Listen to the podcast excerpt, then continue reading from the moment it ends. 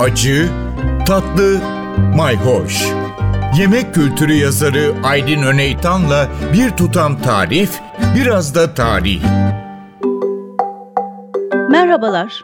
Bizim esnaf lokantalarının gözdesi haşlama yemeği pek çok ülkede benzer şekilde ortaya çıkıyor. Biz suyuna önem veriyoruz. Onlar haşlama ete, sebzelere daha çok önem veriyorlar.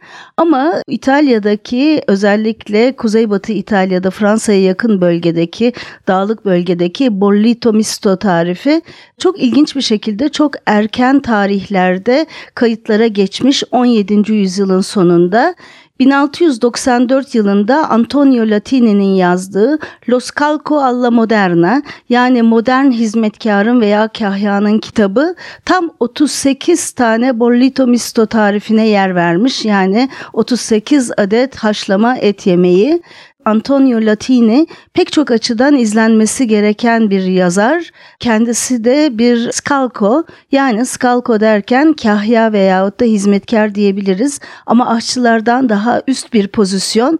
Bir anlamda bugünün otel dünyasında F&B e, yöneticisi dediğimiz yani yiyecek içecek müdürü e, seviyesinde aristokratlar gibi peruk takmasına ve şık giyinmesine izin veriliyor. Son derece ilginç bir pozisyon aslında.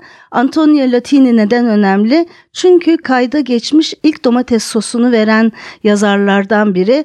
Aynı şekilde bizden İtalya'ya giden dondurma kültürünü sorbetto yani bizim şerbetten evrilme e, buzlu tatlıların ilk defa tarifini veren kişi. Evet çok ilginç. Buradan da ben aslında bu İtalyanlar veyahut da Fransızlar et suyunu ayrı içiyorlar demiştim ya.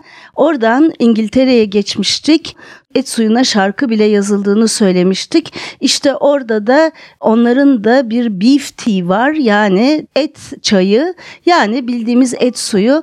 Oradan da bizim Selimiye kışlasına uzanacağım. Çok ilginç hikayeler bizi bekliyor. Takipte kalın, hoşça kalın.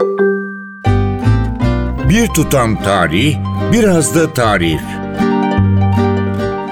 Aydın Öneytan'la Acı Tatlı Mayhoş Arşivi ntvradio.com.tr adresinde Spotify ve podcast platformlarında.